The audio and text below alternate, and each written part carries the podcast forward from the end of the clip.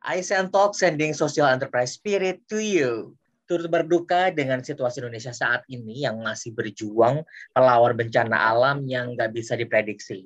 Alam bisa memberikan bencana, tapi alam juga bisa memberikan kebaikan. Dipadu dengan pengetahuan, teknologi, desain, dan juga nilai sosial, ternyata alam bisa menjadi solusi untuk kita semuanya. Nah, iSell Talk kali ini akan membahas solusi dari alam kreatornya membuatnya semakin menarik karena sebuah produk yang dianggap sampah ternyata bisa jadi benda yang berharga bernama pelepah. Supaya nggak penasaran, langsung aja kita kenalan dulu dengan Mas Rangku Banyo. Apa kabar Mas Rangku? Halo Mas Pandu, baik kabar ini, sehat-sehat. Baik, luar biasa. Sekarang lagi di mana nih Mas? Kebetulan kita udah di Jakarta lagi nih. Kemarin aku baru pulang banget dari Jambi dan Sumatera Selatan uh, hmm. karena udah lama juga kita nggak uh, komunikasi karena pandemi dan ppkm kemarin ya syukur waktu-waktu ini kondisi Indonesia makin membaik, pandemi makin menurun, jadi kita juga udah bisa ke lapangan lagi. Dan seneng banget, kita udah hampir beberapa bulan nggak ketemu saudara-saudara kita, uh, uh-huh. apa petani dan masyarakat di Musi Banyuasin, di uh, Sumatera Selatan. Akhirnya kemarin kita bisa ketemu lagi. Yes, waduh seneng banget ya akhirnya ya. Karena iya, memang bener. jadi perjuangan banget di PPKM kita yang dari kemarin hambatan akhirnya turun turun turun turun sampai ya, akhirnya sekarang ya. level satu ini berita oh, lagi gitu. Yes, Tapi harus yes, tetap yes. ini apa tetap patuh protokolnya juga sih. Tentu, tentu. Karena pandemi belum selesai ya. betul, Jadi, betul. Ini ngingetin juga nih buat teman-teman semuanya, pandemi belum selesai. Kalau sedang dengerin sekarang, semoga kondisinya sedang baik-baik saja. Tapi jangan lupa menggunakan masker, tetap yes. uh, vaksin jangan lupa, bawa hand sanitizer, sering cuci tangan gitu ya, jaga jarak. Yeah. Dan ikuti protokol yang lainnya uh, untuk menjaga kesehatan Oke, okay, uh, karena sudah ketemu lagi sama uh, Bapak Ibu petani di sana ya. Sebenarnya betul, betul. mungkin bingung ya. Tadi ada udah tahu nih pelepah namanya ya. Kok namanya pelepah sih lucu banget gitu. Ah, beberapa orang tahu pelepah itu apa ya? Pelepah pisang gitu misalnya. Tapi betul. pelepah ini kan bukan dari pisang aja atau memang pelepah ini konsep dari pisang nih, Mas? Ya, sebetulnya uh, apa ya? Pelepah itu di di awal memang mengembalikan lagi ide membungkus makanan dengan kemasan natural gitu. Nah, pelepah hmm. kan biasanya uh, sebuah lapisan yang membungkus uh, bah, uh, apa pohon atau batang dari bahan-bahan natural gitu. Nah, yeah. kami mencoba mengangkat ide itu yang dulunya juga masyarakat Indonesia kan membungkus makanan dengan dengan bahan-bahan natural ya. Ada dari pisang, ada dari jagung, ada dari beberapa daun-daun endemik gitu ya. Nah, idea itu kita uh, apa? Kita ambil terus kita cari apa nih nama yang paling dekat dengan masyarakat Indonesia ya pelepah gitu. Orang tahu pelepah itu ya biasanya untuk membungkus awal Nah, start dari hmm, hmm. sana kita melihat bahwa sebetulnya banyak sekali sih potensi eh, material-material uh, alami yang ada di Indonesia yang bisa kita olah lagi lebih lanjut dengan pendekatan desain tentunya biar bentuknya agak lebih keren gitu yang uh-huh. bisa uh, sesuai juga dengan kebutuhan-kebutuhan dari food and beverage ya. Nah, maka muncullah ide kita membuat satu uh, social enterprise bernama Pelepah untuk memanfaatkan bahan-bahan natural menjadi kemasan gitu. Oke, jadi Propa ini sebenarnya adalah uh, pengganti plastik ya untuk kemasan yang jadinya uh, tempat makan yang ramah dengan lingkungan. Seperti itu kan konsepnya? Iya betul banget. Jadi memang ide awalnya kita melihat banyak sekali regulasi yang uh, hmm. melarang penggunaan styrofoam atau menggunakan plastik dan lain sebagainya, tapi tidak dibarengi dengan munculnya solusi-solusi apa penggantinya. Gitu. Nah tergerak dari sana juga kami melihat bahwa Eh, kita kayaknya bisa memberikan satu solusi-solusi dengan latar belakang kami yang uh, dulunya adalah produk designer ya dan hmm. kami melihat adanya potensi dari komoditas atau material yang lokal di Indonesia nah kita barulah berfokus ke sana untuk mengembangkan uh, alternatif kemasan ramah lingkungan Oke, dan ini menarik banget ya. Mungkin teman-teman kalau misalnya sambil santai juga lagi dengerin kita, buka Instagram, buka aja di pelepah underscore ID, P L E P A H underscore ID. Ini ada produknya nih, lucu banget. Aku pikir awalnya nih styrofoam, tapi ternyata ini bukan dari bukan styrofoam. Dari betul, adalah betul. dari bahannya uh, tadi ya uh, bekas da alam, daun-daunan, ya. uh, pisang dan jagung dan lain sebagainya tadi, ya, kemudian ya, seperti ini awal uh, awal idenya ini apakah dari Mas Rangku sendiri atau dari tim nih yang ngawalin ide ini? Ya, uh, awalnya aku uh, Rangku Bani Mahadaru ya sebelumnya. Terus ada Almira Fitrani, uh, kita memang backgroundnya product design dan kebetulan kita waktu itu dipertemukan dalam satu program dari uh, Badan Ekonomi Kreatif dulunya okay. untuk menda mendampingi uh, para pelaku usaha uh, craftsmanship di Indonesia. Hmm? Dan uh, dan pada saat itu kita ditugaskan untuk mendampingi dan memperkuat ekonomi kreatif di Wakatobi, yang mana Wakatobi itu sendiri kan tempat yang sangat eksotis ya, bawah lautnya hmm. gitu. Nah, karena di sela-sela kita bekerja ada waktu untuk uh, snorkeling, diving, dan itu juga memang uh, hobi kita. Uh, ya, ya udah kita melakukan aktivitas itu dan akhirnya kita menyadari bahwa uh, fenomena sampah di lautan itu sesignifikan itu dampaknya terhadap pariwisata khususnya untuk masyarakat di Wakatobi yang meng, meng, optimalkan pendapatannya dari pariwisata. Dan di sisi lain ya pastinya uh, dampak dari sampah ini juga mengganggu sekali ekosistem di lautan gitu. Lebih banyak sampah styrofoam atau lebih banyak sampah plastik dibanding ikan. Dan ya itu sudah menjadi apa ya uh, kesadaran bersama lah kalau misalnya hal itu terjadi berarti bukan sesuatu yang benar gitu. Hmm, hmm, hmm. Oke, okay.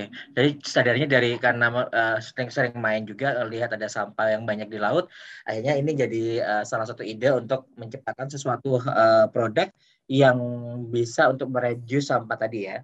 Betul, betul. Kenapa idenya jadinya uh, pelepah gitu? Maksudnya kan banyak ya, mungkin ide yang lainnya gitu. Kenapa ada mungkin karena suka di laut gitu dengan Eh, barang-barang uh, di laut dengan sampah-sampah laut yang bukan sampah plastik ya, sampah yang organik gitu. Misalkan banyak Betul. juga tuh hewan-hewan laut yang udah mati gitu misalnya. Ya, ya. itu nah. bisa diolah gitu. Kenapa jadinya dari laut tiba-tiba ketemunya pelepah gitu? Iya betul. Nah, pada saat itu kita mencari semacam solusi nih. Kira-kira gimana gimana nih ada satu kemasan yang pasti ini akan ber, berfungsi dalam kebutuhan kehidupan kita sehari-hari. Karena ya keseharian kita juga di kantor dulu eh, sebelum kita mengerjakan pelepah gitu dan maraknya aplikasi untuk memesan makanan secara online ya aktivitas kita melakukan itu gitu memesan makanan secara online dan tanpa kita sadari eh, kemasan kemasan itu tuh angkanya yang kita tahu di tahun 2018 ketika kita memulai pelepah perharinya mencapai 18 juta piece dan itu hanya terjadi di Jabodetabek gitu. Hmm. Nah, uh, lebih lanjut kita narik garis benang dulu nih gitu garis benang yang kira-kira apa sih yang bisa ditawarkan sebuah solusi untuk uh, mengurangi kerusakan di ekosistem laut atau enggak di dalam pengelolaan sampah yang kita tahu di Indonesia kan pengelolaan sampah belum terkelola dengan baik. Nah dari awalnya kita melihat bahwa kondisi kemasan sampah ini kan selalu berujung di landfill gitu. dan kami ingin mengurangi sampah-sampah ini berakhir di landfill gitu. Salah satunya hmm. mungkin kita mencarikan alternatif material yang bisa dipakai untuk kemasan dan setelah habis digunakan material ini bisa di degrade secara natural gitu. Ibaratnya kalau pada saat ini sampah ini udah beres dipakai nih gitu, kita tinggal timbun dengan tanah ataupun memang kita tidak bisa mengurangi kebiasaan kita membuang sampah sembarangan, -huh. setidaknya itu ketika dia masuk ke sungai atau terkumpul di dalam tanah, dia akan terdegrade secara alami karena uh, beberapa penelitian yang kita lakukan juga material-material natural itu tidak hanya pelepah ya gitu, itu bisa terdegradasi secara 60 hari di dalam tanah dan bisa terdegradasi juga dengan kandungan-kandungan bakteri yang ada di udara. Jadi pembusukannya lebih gampang. Jadi ya, itu seperti yang kita lihat di bungkusnya pisang atau bungkus-bungkus buah yang lainnya. Ya, ya, ya, oke, oke. It, itu sih sebetulnya. Jadi kita cari alternatif kemasan yang bisa terdegrade secara alami itu dulu yang yang membuat kita memutuskan untuk memilih kemasan dengan bahan-bahan natural. Setelah itu kan kita baru bisa memetakan dampak-dampaknya yaitu uh, sampah nggak berakhir di lautan atau sampah nggak berakhir di uh, landfill. Gitu sih. Oke, okay. siap-siap.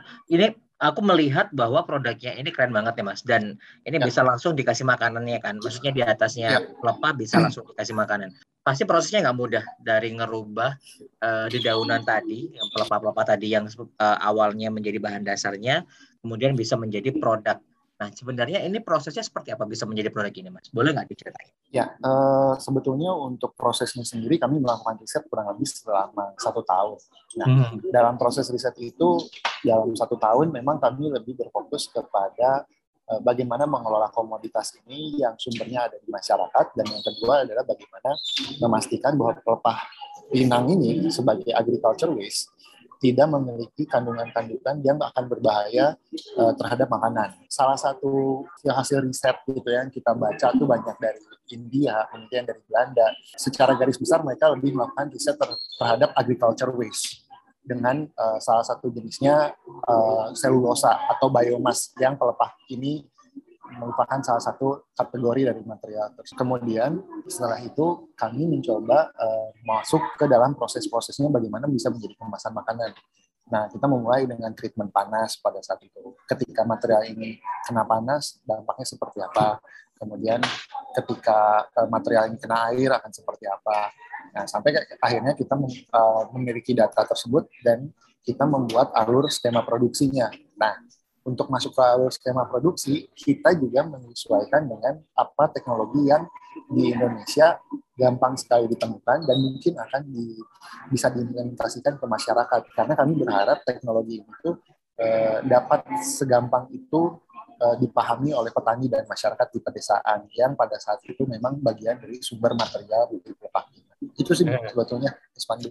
Oke oke. Nah itu yang sebenarnya aku, sempat aku pikirkan juga ya, karena uh, membuat produk terus tanpa kimia, memastikan kimianya nggak berbahaya untuk makanan itu nggak mudah gitu. Ya, Dan ya, ya. Uh, pasti melalui banyak proses juga yang awalnya mungkin nggak seperti sekarang gitu. Nah, ya, ya, kalau ya. udah jadi produknya dan orang-orang mungkin sudah mulai mengenali produknya, gimana sih penerimaan masyarakat terhadap produknya Papa? Penerimaan dari masyarakat sangat positif ya, di mana hmm. di ketika kita launching di 2020 ya di hmm. bulan Januari, setelah sebelumnya kita dua tahun itu melakukan riset dan uh, pendampingan masyarakat sebagai uh, teman-teman uh, yang akan memproduksi, respon positif sekali ditunjukkan dengan demand dari pasar yang cukup membludak pada saat itu. Bahkan ada permintaan untuk beberapa festival, ekspor dan lain sebagainya. Namun sangat disayangkan setelah kita launching uh, tiga bulan kemudian kita terkena pandemi, hmm. semua aktivitas juga sangat uh, berubah. Untuk kami yang baru memulai mungkin pandemi ini belum bisa dimitigasi atau bisa dibuat semacam skema penanggulangannya karena ya kita belum belum besar dalam artian tim kita juga masih merangkak terus ditambah lagi dengan pandemi jadinya uh, cukup tamparan yang besar lah untuk kami. Tapi betul, betul. Uh, dari sana kami terus berusaha untuk kira-kira memikirkan strategi-strategi apa untuk uh, resiliensinya ya di saat pandemi.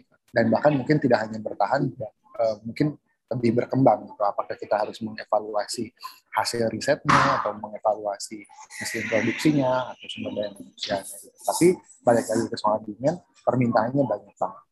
Kan sekarang uh, membawa isunya adalah sustainable dan uh, mengurangi reduksi sampah sendiri.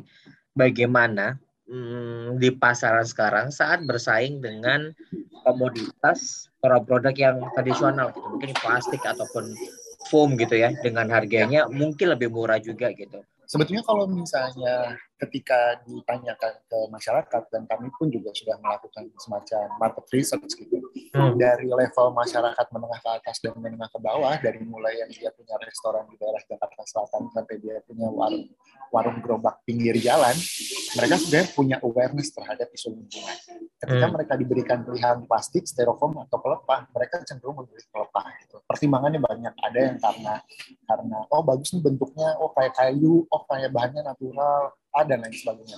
Pertimbangannya estetika banyak.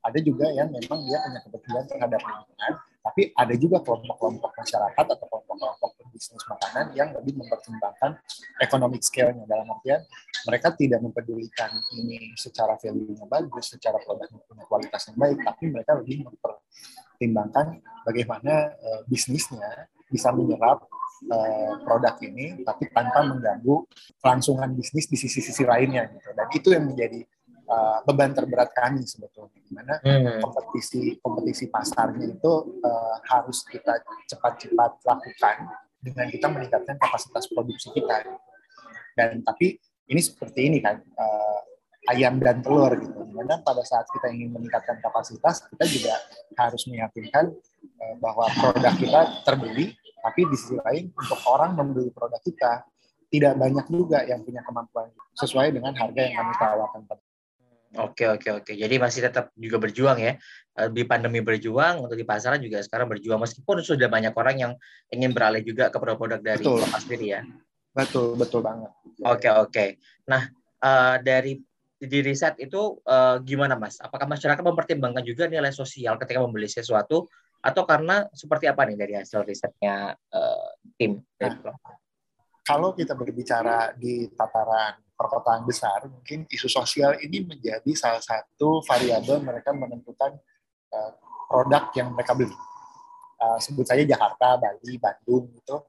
Hal tersebut menjadi salah satu tolok ukurnya lah gitu, untuk mereka membeli barang. Tapi ketika kita walaupun ada di kota besar tersebut, itu marketnya sangat kecil dan cenderung mereka dalam segmentasi uh, menengah ke atas, bahkan mungkin atas dengan kita menyebutnya community base gitu. Entah mereka pelaku uh, ekonomi kreatif atau mereka juga bergerak di dalam sustainable dan uh, eco living gitu. Atau mungkin juga mereka uh, sudah memiliki kemampuan beli yang cukup tinggi gitu. Tapi kita melihatnya bahwa mereka ada komunitas sendiri yang di kota-kota besar pun jumlahnya tidak terlalu besar gitu. Itu sih mungkin Nah, tadi kita udah tahu nih gambaran dari pelepas seperti apa prosesnya sampai jadi produk dan bagaimana juga masuk ke masyarakat. Yang penasaran banget nih, Mas Rengku, aku penasaran buat gimana caranya tim untuk bisa in touch ke masyarakat supaya lebih tertarik dengan produknya pelepas. Oke, berbicara mengenai hal tersebut, memang kita selalu membagi dua, kita tertarik uh, dan memberikan dampak langsung masyarakat itu ada dua aspek. Ada kita memberikan dampak terhadap lingkungan, memberikan dampak terhadap masyarakat di pedesaan untuk uh, menambahkan kesejahteraan bagi masyarakat. Uh, kita berbicara pada dampak masyarakat di area pedesaan, di mana pelepah mengerjakan ini mendekati sumber uh, materialnya, hmm. uh, di sana juga kita melibatkan kelompok perempuan untuk uh, mengerjakan pelepah ini dan juga melibatkan kelompok pemuda untuk adanya transfer teknologi dan transfer, transfer uh, pemahaman mengenai proses produksinya sehingga ke depannya mereka bisa mengimplementasikan apa yang dikerjakan di pelepah dalam komoditas-komoditas pertanian lain yang ada di pedesaan. Nah, di sisi lain, ketika kita berbicara dampak terhadap masyarakat yang secara yang lebih luas gitu, uh, kita bisa berbicara mengenai dampak uh, lingkungannya nih gitu. Eh, dengan semakin banyaknya penggunaan produk semacam pelepah gitu ya di, di pasaran dan juga um, masyarakat beralih gitu menggunakan pelepah sebagai kemasannya itu akan semakin memperbaiki kondisi lingkungan kita lah setidaknya di mana adanya penggunaan material yang ramah lingkungan mhm. produk yang ramah lingkungan gitu kan dan juga yang paling penting kita berbicara pada konteks bagaimana memproduksi sebuah kemasan yang melepaskan karbon sangat kecil ya. Ya, kita sekarang lagi di masa-masa di mana orang-orang pada ngomongin tentang uh, carbon exit nih, carbon footprint nih, dan lain sebagainya. Dan kami percaya ketika berbicara sustainability itu, tidak hanya beralih menggunakan produk yang ramah lingkungan, atau produk yang ada label eco or green or something, tapi kita lebih hmm. percaya bahwa kita mengetahui produk itu dibuatnya seperti apa, materialnya seperti apa, petani yang seperti apa yang memberikan uh, bahan bakunya hingga hmm. bagaimana perusahaan atau produsen itu mengukur juga kelepasan karbon dari setiap produk yang diproduksi dan itu kami berusaha melakukannya gitu. Jadi secara holistik kami dari awal sudah mulai uh, merangkum lah hal tersebut dan diinformasikan ke masyarakat gitu. Dan ini juga sebagai edukasi juga mungkin ya ke masyarakat bahwa ketika berbicara uh, sustainability produk atau produk yang berdampak terhadap masyarakat itu atau community ada dua aspek gitu. Kita berbicara mengenai carbon footprint dan juga hmm. fair trade. Nah, dua hal itu yang sedang kita terus upayakan agar bisa kita jelaskan ke customer kita atau ke masyarakat pada umumnya dengan cara yang lebih kekinian mungkin atau mungkin lebih sederhana, lebih gampang dan lain sebagainya gitu.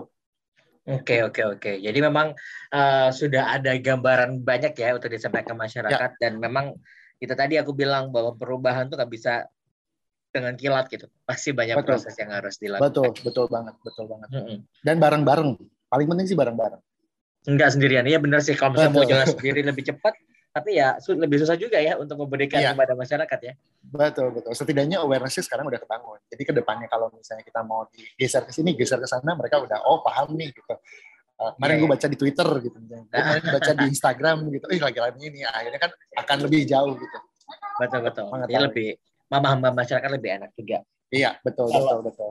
Uh, tentang petaninya tadi ya, Kita sempat ya. uh, ngobrol tentang petaninya juga dan Mas Rangku juga berkali-kali mengulang uh, terkait dengan si petaninya ini. Petani ini siapa sih? Orang-orang yang ngumpulin si pelepahnya, petani uh, apa namanya dari daun daun-daun tadi atau siapa mereka itu? Ya, sebetulnya kalau kita berbicara petani di pelepah, ya, mereka adalah pada dasarnya petani pinang, uh, di mana kan kita uh, selalu selalu mendengar mungkin petaninya petani sawit, petani karet, petani komoditas-komoditas yang sering kita lihat lah itu. Tapi sebetulnya ada juga kelompok-kelompok petani kecil yang memanfaatkan komoditas yang tidak terlalu populer. Salah satunya pinang. Pinang itu yang kita pakai, yang kita jual atau yang yang petani jual itu adalah bagian buahnya biasanya mereka ekspor ke ke India, ke China dan lain sebagainya untuk kebutuhan mm-hmm. dari ingredients uh, kosmetik atau obat-obatan. Kita dari situ menambahkan income petani dibanding menjual buahnya, coba dikumpulin juga pelepahnya karena pelepah itu pada awalnya adalah limbah. Nah nanti mm-hmm. ada nilainya juga. Nah petani ini lokasinya ketika kami memulai melakukan pendampingan kepada para petani yaitu petani-petani yang ada di area konservasi kebetulan di tahun 2018 itu kami mengerjakan satu proyek bersama Zoological Society of London. Uh, nama programnya Kelola Sendang, yang di mana fokus dari program tersebut lebih ke uh, memberdayakan masyarakat di area konservasi, kemudian menjaga uh, keberadaan hewan-hewan di area konservasi, konservasi tersebut. Ada gajah, ada harimau, dan hewan-hewan yang endemik lainnya. Nah, di sisi lain, kita mengurangi konflik-konflik yang terjadi ya kita tahu lah konfliknya kebakaran hmm. perambahan, penjualan uh, hal-hal yang ilegal yang terjadi di sana. Nah, setelah ditarik-tarik, kenapa hal itu bisa terjadi? Yang paling dekat itu ya memang balik lagi ke dalam bagaimana masyarakat ini mencari sumber-sumber peningkatan ekonomi. Gitu. Mm-hmm. Mereka nggak mak, ya kayak misalnya ambil contoh dari kebakaran hutan gitu. Kan sering tuh kita melihat bahwa oh ada petani ditangkap gara-gara membakar hutan. Tapi ketika kita breakdown lebih dalam ke, ke petani dengan kita ngobrol lebih jauh, kita ikut mereka ke kebun, kenapa mereka membakar hutan? Ya ya bayangin aja gitu lahan sekitar 3 hektar 4 hektar gitu harus mereka ratakan untuk ditanami komoditas atau bahan pertanian lain hanya pakai cangkul kan nggak mungkin gitu hmm. bayangin aja gitu tiga hektar pakai cangkul gimana caranya nah tidak pernah ada bantuan di sisi lain untuk para petani pun memiliki akses terhadap teknologi yang bisa memudahkan mereka dalam membuka lahan di sisi lain, sebetulnya ada cara-cara tanpa kita harus melakukan penebangan pohon untuk membuka lahan atau membakar dan lain sebagainya dengan memanfaatkan hasil hutan non kayu. Jadi hasil hmm. hutan non kayu itu adalah komoditas-komoditas yang ada di dalam hutan yang dia tumbuh secara alami dan memiliki kelebihan-kelebihan ya tadi ada ada ada buahnya yang bisa diop, dioptimalkan kemudian ada juga uh, dedaunannya mungkin atau ada bagian-bagian lain dalam pohon tersebut yang bisa dimanfaatkan yang bukan dari bagian kayu yang di mana kayu kita ketahui itu salah satu uh, penyerap karbon tertinggi di dalam hutan. Mm-hmm. Nah itu itulah yang kami coba uh, ajak kolaborasi petani-petani itu yang kita coba ajak kolaborasi terus kita berikan pemahaman bahwa ada loh komoditas yang bisa dimanfaatkan tanpa harus uh, merambah hutan gitu itu ada pelepah pinang, ada kita bisa mengelola madu, ada juga kita bisa mengelola apa pun lah yang di dalam. Nah, akhirnya difokuskan di pelepah gitu. Karena menurut kami potensi ekonominya pun di sisi pasar juga sangat besar dengan isu-isu uh, kemasan sekali pakai. Itu sih. Aku jadi merasakan ini ya, hmm. betapa berjuangnya ketika tadi sebenarnya mengkombinasikan antara desain, teknologi, sosial, dan lingkungan menjadi sebuah inovasi yang jadinya bernilai lebih gitu ya dengan model bisnis yang sustainable gitu. Betul, nah, Tapi menarik banget. Dari pengalaman sendiri nih, terakhir, uh, ya. dari aku terakhir. Pengalaman dari Mas Rangku sendiri dan tim. Kira-kira apa nih yang pengen disampaikan ke teman-teman yang juga sekarang sedang memperjuangkan untuk menggabungkan antara mungkin teknologi desain juga sosial dan lingkungan ya. juga gitu ya dan mereka ya. harus berjuang nih kan prosesnya panjang banget dan gak mudah juga gitu ada pesan nggak ya. sih buat teman-teman yang lagi memulai saat ini ya aku sangat sangat tertarik dan happy sekali ketika diundang dalam podcast ini karena mungkin nanti juga banyak teman-teman di luar sana yang sedang eh, ingin beralih memulai sebuah bisnis yang berdampak terhadap sosial lingkungan dan lain sebagainya nah hmm. tapi di awal mungkin yang ingin aku coba uh, share ke teman-teman yang nanti akan akan berada di jalur itu adalah memulai dengan kita bisa melakukan pendekatan lebih dalam terhadap masalahnya. Karena hmm. uh, memulai bisnis saya kira mau pada saat ini mau kita berbisnis apa pun itu bisa dilakukan. Dalam artian kita nggak ada limitasi terhadap teknologi, terhadap informasi, terhadap apa pun itu, semuanya pasti bisa dibuat. Tapi yang bisa membuat kita menjadi problem solver itu mungkin tidak semua, karena karena ada yang berbisnis dengan orientasinya uh, profit, ada yang berbisnis dengan orientasinya apa pun. Tapi hmm. ketika kita berfokus pada pemecahan masalah, kami rasa Eh, di teman-teman di Pelpa gitu menganggap itu yang menjadi energi tambahan gitu. Karena yang kita cari bukan hanya profitnya, tapi kalau masalahnya belum beres, berarti kita nganggap bisnis ini belum selesai. Kayak main game aja gitu. Kalau misalnya hmm. kita belum naik level, ya berarti kita belum menang dong. Berarti kita harus naik level dulu. Nah, sama dengan hal ini. Selama kita belum melakukan, belum menyelesaikan masalah yang kita anggap ada di depan mata, ya berarti kita belum berhasil gitu walaupun profitnya udah gede atau apa, tapi kalau misalnya kita masih melihat jumlah plastik di lautan masih banyak, ya menurut kita kita belum berhasil gitu.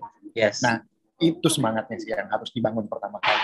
Selanjutnya mungkin ya lakukan pendekatan-pendekatan yang lebih uh, jeli ya. Jeli dalam artian memulai dengan duduk bareng dengan uh, masyarakat gitu. Kalau misalnya memang uh, produknya nanti beririsan dengan masyarakat, rasakan terus uh, dengarkan keluh kesah, keluh kesah masyarakat, terus cari tahu kenapa yang masalah yang muncul itu bisa terjadi dengan dengan berbagai macam alasan-alasannya gitu kan. Setelah hmm. itu gunakan metodologi-metodologi yang banyak bisa kita temukan gitu lah di, di, di literasi, di internet, di mana pun itu uh, dalam membuat sebuah pemecahan masalah gitu kan. Ada proses ideation, ada proses kita melakukan pengulangan dari ide-ide itu di, di prototyping, di testing dan lain sebagainya. Hingga akhirnya kita juga mesti melakukan pendekatan bisnis yang matang. Jangan sampai kita berpandangan bahwa oh iya kita memberikan ini untuk masyarakat, untuk masyarakat, untuk dampak terhadap lingkungan, untuk lain sebagainya. Tapi kita tidak memikirkan sebuah kekuatan bisnis yang sebetulnya itu juga bagian penting gitu. Ibaratnya ya gimana kalian bisa mau uh, mengembangkan bisnisnya kalau bahan bakarnya juga nggak ada gitu kan. Jadi memang harus yeah. seimbang nih antara uh, pendekatan bisnis dan juga uh, impact ke society atau impact ke planet. Yeah. Itu yang kadang dilupakan. Jadi ya, ya namanya bisnis, ya kita juga harus pinter mengkalkulasi keuntungan dan juga mengkalkulasikan return of impact gitu kan.